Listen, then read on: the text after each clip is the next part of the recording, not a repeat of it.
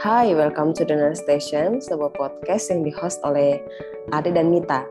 Nurse Station adalah sebuah wadah yang sedang berusaha kami tumbuhkan untuk menjadi sebuah media bagi instan keperawatan Indonesia dalam berdiskusi tentang berbagai hal, mulai dari isu kesehatan dan isu-isu lain yang lagi tren saat ini.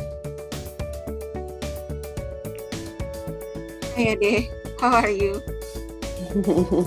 Halo Kamita, aku baik. Kamita gimana? Sibuk apa?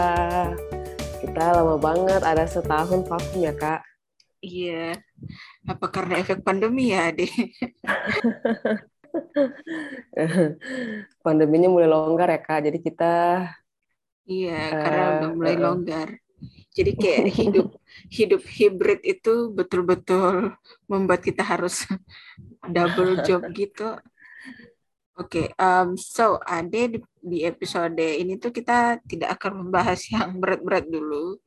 Sebagai hmm. pemula mungkin kita permulaan kita akan bahas yang chill.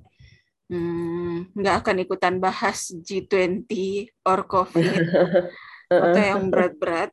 Dan kita tuh kayak pilih uh, tema-tema yang seperti apa sih yang bisa engage ke teman-teman semua. Jadi kayaknya kalau kita flashback memori-memori terbaik kita sebagai perawat, ya kenapa enggak? Jadi kita mau share momen yang paling favorit kita yang nggak bisa dilupain itu apa aja.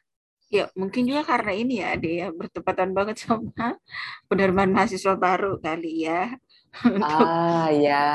Untuk membantu mahasiswa keperawatan mungkin. Mm -mm. Supaya mereka lebih dapat gambaran kali ya, Kak. Kami tuh mau cerita duluan nggak? Momen terfavorit Kak Mita uh, sebagai perawat itu uh, apa? Ini sebenarnya momen terfavorit itu agak-agak ini ya, soalnya kan kalau aku kan kerjaannya itu lebih ke akademisi ya. Jadi kalau pengalaman di lapangan mungkin tidak terlalu banyak, kecuali kemarin pada saat COVID-19, eh pada sebelum COVID-19 itu kan sempat magang satu tahun. Oh iya. Ya, sempat magang. Terus kalau misalnya ditanya momen terfavorit versi mahasiswa dulu deh. Ya udah. Kalau versi mahasiswa itu sebenarnya ada satu yang sampai sekarang tuh masih keinget gitu. Ini dan itu yang kayak semacam membenarkan bahwa sebenarnya tidak ada yang salah dengan kita menonton drama-drama Korea atau Jepang itu. karena mm-hmm. waktu itu lagi stasi anak ade dan aku tuh paling benci sebenarnya sama stasi pediatrik karena memang tidak tahu kenapa tidak pernah bisa bersahabatan bersahabat dengan anak gitu jadi kayak, iya sih apalagi kalau mereka lagi sakit ya kak jadi iya. um, sehat aja tuh lumayan PDKT-nya lumayan susah ya apalagi kalau dia lagi sakit benar jadi kayak rewelnya itu double double gitu nah waktu oh. itu uh, lagi dinas malam sekitar jam 12 malam itu harus transfusi trombosit kalau nggak salah itu 5 apa 12 baik itu lupa. Nah, uh terus di sampingnya itu di sampingnya itu ada apa? Ada anak yang lagi demam gitu terus dikipasin sama ibunya kan. Cuman anak itu rewel gak mau tidur gitu. Nah kasihan sama ibunya tuh udah ngantuk banget udah capek kipas-kipasin hmm. akhirnya langsung keingat film drama Korea yang waktu itu baru dinonton. Jadi kayak kan ada tuh uh, apa triknya orang bule kalau mau nggak bantu tidur anak-anak kan itu mereka di counting kan minta untuk counting sheet Iya, Sebenarnya iya, karena iya. shift itu mirip sleep, jadi kayak menstimulus secara tidak langsung sleep, sleep, oh. sleep. Nah, tiba-tiba oh. langsung berpikir cepat, kira-kira yang hampir sama kata yang hampir sama dengan tidur itu apa ya? Terus sebenarnya rada-rada nggak masuk akal, cuman ya itu gitu. Terus tiba-tiba yang langsung menerapkan ilmunya, jadi kayak langsung duduk sejajar dengan anaknya terus ngomong e, kita sama-sama menghitung ya e, tapi harus diucapkan jadi menghitungnya 1 sampai 100 nah, menghitung tikus ya kan tikus mikirnya waktu itu tikus hampir sama dengan uh. tidur pokoknya nah uh, uh, uh. itu tuh awalnya tuh nggak percaya teori itu gitu cuman nggak cuk nggak nggak sampai 10 menit anak itu benar-benar ketidur loh adik jadi mm. dia benar-benar tidur setelah 10 menit itu langsung emes sendiri wah dia tertidur. Jadi itu sampai yang kebayang-bayang karena selain menerapkan sesuatu yang didapat dari drama, juga karena kok ya bisa seterapeutik itu sama anak kecil. Hmm, berarti drama Korea atau drama Jepang yang Kak minta nonton tuh benar-benar based on research karena emang ya emang nurin anak tuh memang harus calm down, harus tenang, harus kalau bisa relaksasi dulu. Pokoknya suasana tuh harus tenang. Iya, nggak boleh nggak boleh kayak nonton HP, nggak boleh nonton TV, nggak boleh loncat-loncat dulu. Pokoknya kalau bisa ya ganti baju, tidur, apa ganti baju, sikat gigi, terus pokoknya harus tenang intinya. Jadi kalau ya ya keren banget sih filmnya kalau misalnya bisa yeah. diaplikasikan. Dan itu tuh jadinya agak berkesan berkesan banget buat aku sampai sekarang hmm. karena yang kayak hmm. nggak percaya aja gitu. Suatu yang cuma hmm. dilihat dari drama kok ternyata ya it works. Iya iya iya. Kayak sampai sekarang berkesan dan karena ya itu tadi jadi, gitu pediatrik. Jadi intinya uh -uh. Uh -uh karena pediatrik uh, itu buat dari dari uh-uh. dari dari lebih lebih lebih melekat uh, filmnya ya kak dibanding teori. Iya. teori ya. Jadi after after menerapkan itu baru mencari tahu kok bisa. Hmm. Itu tadi ternyata teorinya hmm. adalah karena itu stimulus sebenarnya. Hmm. Karena ship ship itu hampir sama dengan kata sleep sleep sleep. Ya, baru tahu. Hmm. Kalau Ade? Kalau Ade kayaknya banyak deh. Uh, iya, uh, aku uh, ya, ya, ya, ya. Um, tadi Kamita, Kamita kan malam juga kan ya, jam 12-an gitu kan. Tapi aku sih kalau dari dari semua ya, dari semua itu nggak uh, nggak bisa milih sih. Cuman aku cuma pengen menyimpulkan aja sih kayak momen-momen terbaik yang um, aku dapetin itu lebih banyak pada saat dinas malam. Jadi aku tuh suka banget dinas malam. Kok karena, bisa?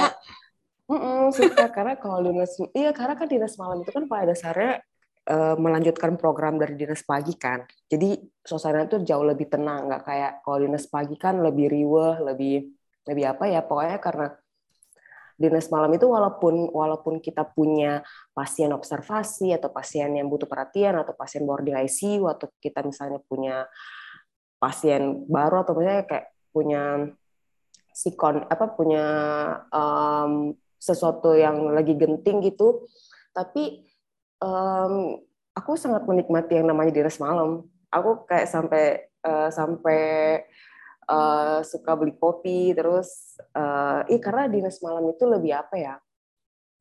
Lebih bisa lebih apa ya? Lebih lebih bisa research aja sih. Kayak misalnya um, kalau lagi operan op, lagi apa handover operan um, terus misalnya uh, anak X dengan GBS misalnya terus waktu masih baru-baru kayak ah oh, GBS apaan kak? Terus Guillain-Barré syndrome kayak gitu-gitu. Terus uh, nah aku tuh kayak punya banyak waktu buat nanti habis itu bisa buka HP bentar Google bisa gitu. Kalau misalnya dinas pagi kan susah kayak karena dinas pagi benar-benar riwah kalau iya rame. uh, uh, rame lebih rame lebih nah kalau dinas malam kan hmm, apa pun itu bisa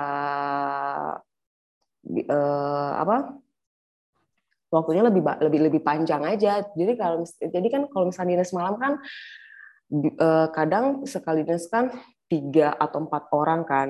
Jadi um, kadang kan kalau misalnya pasiennya lumayan lumayan tenang. Kalau misalnya um, pasien sedikit atau pasien lumayan tenang karena dia misalnya program. Walaupun misalnya dia dengan meningitis apa gitu atau dengan MRSA atau apa gitu tapi kan dia program antibiotik doang misalnya. Uh, mereka kan kebanyakan tidur kan pasien-pasiennya. Yes, iya jadi mostly uh, mostly sepanjang malam itu mereka tidur kecuali kecuali yang pasien-pasien yang dengan kejang atau apa. Terus um, biasanya kalau pasien relatif tenang kayak gitu kan kita punya waktu buat tanda kutip istirahat kan. Iya, iya. Uh -uh, biasanya sih istirahatnya itu kayak uh, kayak kurang lebih satu setengah jam. Aku tuh kayak paling senang istirahat yang paling belakangan. Oh, I see. Karena karena somehow kayak bisa kalau emang benar-benar tenang bisa me time juga. Oh iya, karena akhirnya suasana suasana rumah sakit pada malam hari itu emang lebih silent sih. Mm -mm, bisa Dan, bisa. Iya. Tapi mm, akhirnya aku kayak hmm? Tapi akhirnya aku tuh kayak bisa melihat ternyata memang ada perbedaan feeling. Aku nggak tahu kalau ada juga merasakan itu ya. Tapi ada perbedaan feeling ketika kita jadi perawat pada saat jadi mahasiswa dengan yang jadi perawat ketika itu udah jadi profesi gitu. Ya aku akhirnya merasakan ada ada perbedaan dan to be honest sekarang itu kayak merindukan masa-masa di rumah sakit sih sebenarnya. Iya, uh, bahkan aku juga karena udah jalan dua tahun jadi uh, full time mom, ya rindu banget sih kerja di rumah sakit. Uh, karena ya, di rumah sakit itu aku, nggak tahu sih ya kak kalau misalnya kita kerja di akademis di akademisi seperti apa. Cuman kalau di rumah sakit itu kan every day, every moment kayak we meet new people, new yeah. person. Mm. Walaupun itu pasiennya misalnya berulang, maksudnya pasien yang tiap bulan datang misalnya karena misalnya dia program kemoterapi atau apa, tapi ya kita ketemu orang-orang terus. Terus deh, Ade ini pernah ambil tes kepribadian kan ya, Ade? Mm -mm, Kamu ekstrovert apa introvert?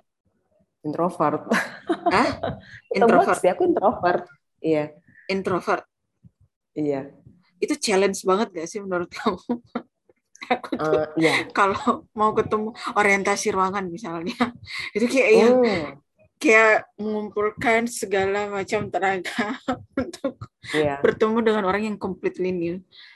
Mm -mm, karena, karena tadi. Um, ya harus BHSP dulu kan. Iya yang harus di HSG, sementara kita harus mengkaji, kita harus melakukan assessment, terus hmm. um, iya assessmentnya, uh, misalnya kalau pasien anak kan assessmentnya bukan ke pasiennya doang, tapi ke orang iya, tuanya bener, juga. Bener bener Belum lagi kalau orang tuanya ada banyak pertanyaan ya kan?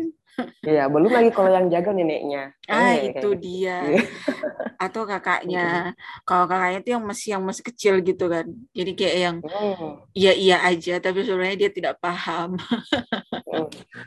mm -hmm. But it also relates with my second uh, thought that kayak um, aku juga somehow kayak senang banget kalau misalnya kayak berhubungan dengan keluarga pasien. Salah satu momen-momen terbaik itu adalah ketika mereka menceritakan keadaan mereka uh, uh, dengan tulus, dengan jujur gitu. Misalnya um, anaknya misalnya kena I'm sorry to say HIV misalnya, terus dia menceritakan bahwa anaknya kena karena begini, begini. Dia menceritakan historisnya itu tanpa tanpa fear, without fear, without um, being shy or ashamed kayak gitu-gitu. Misalnya um, I, I somehow I'm I'm proud uh, to be to be taught like that. Kayak misalnya seneng seneng aja sih karena kayak um, entah iya kenapa sih. mungkin dia memilih kita, dia memilih kita um, untuk menceritakan masalahnya dia kayak gitu itu yang somehow juga bikin bikin aku menjadi momen terbaik juga sih ketika pasien terbuka um, mengenai keadaan dia. So somehow kalau misalnya um, uh, saya aku lagi nemenin uh, dokter, somehow I can I can give uh, the doctor um, kayak um, apa ya? Uh, I can tell him some stories kayak misalnya supaya uh, the doctor can find uh, can consider another solution for the patient gitu. Iya sih, itu juga yang menurut aku second best-nya ya sih.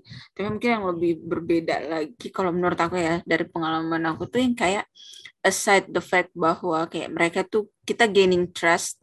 Satu hal juga yang menurut aku tuh momen paling bahagia adalah ketika misalnya ya komunikasi kita itu berhasil gitu dan akhirnya yeah. kayak keluarga pasien dan pasien itu jadi lebih mengikuti Trust. mengikuti hmm. ini kita gitu ade kayak gimana ya kayak contohnya kayak gini aku tuh pernah ada pasien jadi pasien itu tuh kayak malas makan kayak kompli udah komplikasi gitulah emang ada gitu nah terus kayak dia tiap kali makan tuh vomiting karena emang udah ada gangguan di bagian hepar kan terus dia DM pula terus ya kayak gitu nah terus kayak perawat-perawat sebelumnya itu kan aku dinas malam. Perawat-perawat sebelumnya itu udah yang kayak mudah menyerah gitu karena si pasien nggak nggak mau mendengar apa-apa. Terus kayak yang terapinya sampai yang harus ditunda karena memang akhirnya ada gangguan nutrisi kan karena intake-nya itu yang tidak tidak bagus gitu. Nah akhirnya itu kayak aku masuk gitu dan memberikan edukasi gitu. Mungkin karena merasa bahwa ada tanggung jawab harus edukasi sebagai dosen atau apa gue gak ngerti. Cuman kayak masuk dan edukasi bilang edukasi bla bla bla terus yang kayak besok besoknya itu pas dinas kayak bahagia aja gitu. Tiba-tiba langsung istri itu datang dan bilang dek bapak itu udah makan sedikit-sedikit. Itu kayak wah oh. itu yang kayak feeling-feeling gitu loh. Atau misalnya kayak yang ngajarin yang awalnya nggak mau disuntik insulin. Terus yang kayak dijelasin dijelasin, dijelasin. Akhirnya kayak mau. Terus yang kayak keluarganya datang dan bilang dek tadi ibu sudah mau ini. Kayak wah senang banget gitu. Menurut aku hmm. bahagia itu tidak bisa digambarkan sih. Hmm ya ya ya ya. Ya bahkan misalnya tanpa maksud apa pun sih misalnya kadang pasien itu lebih lebih nyaman cerita ke kita ke perawat ketimbang ke dokter misalnya karena mungkin dokter mungkin um, punya waktu yang uh, terbatas lebih ya. kali ya. Uh -uh, iya. uh -uh, lebih terbatas. Jadi kan karena kita lebih mudah ditemui sama si pasiennya. Jadi um, kalau ada apa-apa dia keting dia mereka tinggal ke nurse station atau tinggal pencet bell misalnya. Jadi kayak lebih sering ketemu sama kita, makanya lebih lebih nyaman yeah. gitu ngobrol sama kita. Jadi misalnya kayak ada tindakan misalnya pasiennya mau gastroskopi misalnya. Terus dia tuh nanya ke kita, suster kalau eh, gastroskopi itu digimanain sih gitu. Padahal um, prosedur itu kan inform consent itu kan harus dijelaskan matang-matang sama dokter kan. Terus uh, ya saya sih uh, kalau kalau pengalaman-pengalaman kemarin sih ya saya cuma bilang uh, mama sebenarnya mama atau papa sebenarnya um, ini adalah kompetensi dokter tapi saya bisa menjelaskan sesuai dengan uh, pendidikan saya ya mah. Jadi uh, gastroskop itu seperti ini ini ini nanti adiknya dikasih gini gini gini. Terus nah cuma gara-gara itu doang Terus besoknya kalau ketemu lagi misalnya habis dinas, halo suster Ade, halo tante Ade, kayak gitu tuh. Iya. Wah, dia hafal memang aku seneng. Iya. Soalnya kayak kayak kemarin tuh yang kayak ada pasien yang apa uh, dia masuk lagi karena memang hemodialisis kan terus kayak masuk lagi tuh perbaikan KU waktu itu mikir aku tuh mikir ya pasti dia, dia udah lupa gitu tapi ternyata suaminya langsung ah suster Mita ketemu lagi yeah.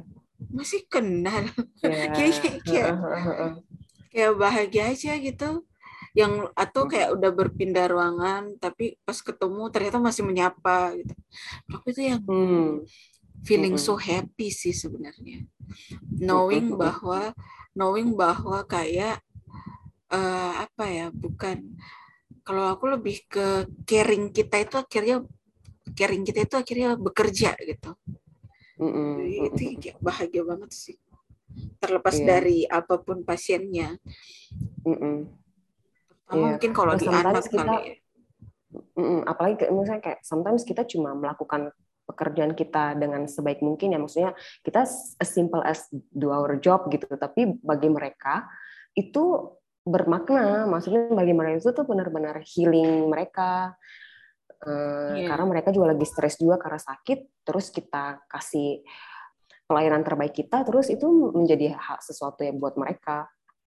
Iya, iya. sih semoga bisa memberikan gambaran ya untuk yang calon-calon perawat yang mungkin karena aku melihat fenomena sih sebenarnya adik bahwa sebenarnya basic keilmuan kita itu kan caring. Tapi yeah. sometimes kayak ya nggak semua sih nggak semua. Tapi ada beberapa memang yang kayak lebih bahagia dan lebih bangga kalau misalnya mereka bisa curing gitu. Kayak misalnya instead of implementing health kemampuan komunikasi terapeutik misalnya. Kita ya lebih bangga kalau ya begitu gitu. Ngasih resep obat itu kan bukan kita banget gitu kan. Tapi yeah, kalau misalnya yang nyari alternatifnya, ya menurut aku itu lebih ini sih. Makanya kayak bahagia aja gitu kalau misalnya sense of caring kita itu sampai dan pasien tuh sampai segitunya waktu jadi kayak aku tuh kayak ngerasa akhirnya kolaborasinya bisa jalan karena perawatnya caringnya jalan profesi sebelah curingnya jalan gitu.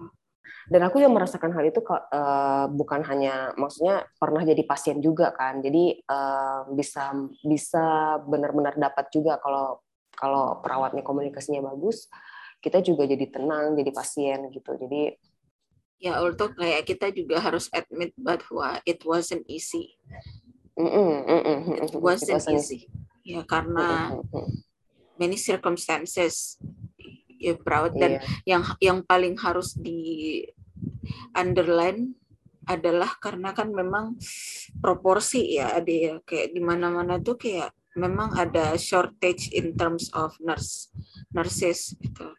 Jadi kayak ada banyak beban kerja sementara jumlah perawatnya tidak proporsional. Jadi ya it, itu tuh betul-benar pekerjaan untuk bisa sampai ke situ tuh yang benar-benar wasn't that easy. Ya. So, walaupun pekerjaan-pekerjaan uh, apa yang kita lakukan is not that easy, jadi tapi kita tetap mendapatkan momen-momen terbaik ya Kamita. Iya. Yep. Iya. So semoga um, kami uh, apa kita juga penasaran sih sama um, teman-teman pendengar semuanya yang berprofesi sebagai perawat momen-momen terbaik kalian apa aja sih? Mungkin kalau misalnya kita nanti posting di Instagram, mungkin teman-teman bisa komen di Instagram kita.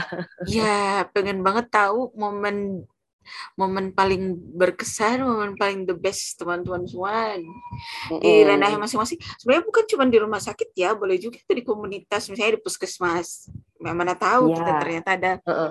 momen menarik yang ditemukan sama teman-teman perawat di puskesmas misalnya atau di klinik-klinik. Iya, iya. Ya kan? Iya, iya, iya. Karena aku juga ketemu, beberapa kali misalnya ketemu sama teman-teman yang Nusantara Sehat atau pencara Nusantara, mereka yeah. juga asik-asik juga sih. Iya. Yeah. maksudnya pengalaman mereka juga benar-benar kaya sama Ada banyak cerita uh, ya. Iya, Kak. Oke, teman-teman. Jadi kayaknya um, kita uh, sekian dulu kali ya untuk bagi-bagi momen favorit kita selama jadi perawat. Semoga menginspirasi teman-teman dan mungkin teman-teman bisa membagikan juga sama kita. Semoga menginspirasi mahasiswa baru, um, adik-adik semua selamat datang. So, ada yang mau disampaikan lagi nggak kak? Kalau misalnya kita udah ngepost, don't forget to share your story and to listen to our podcast. Thank you guys. Okay. Thank you guys.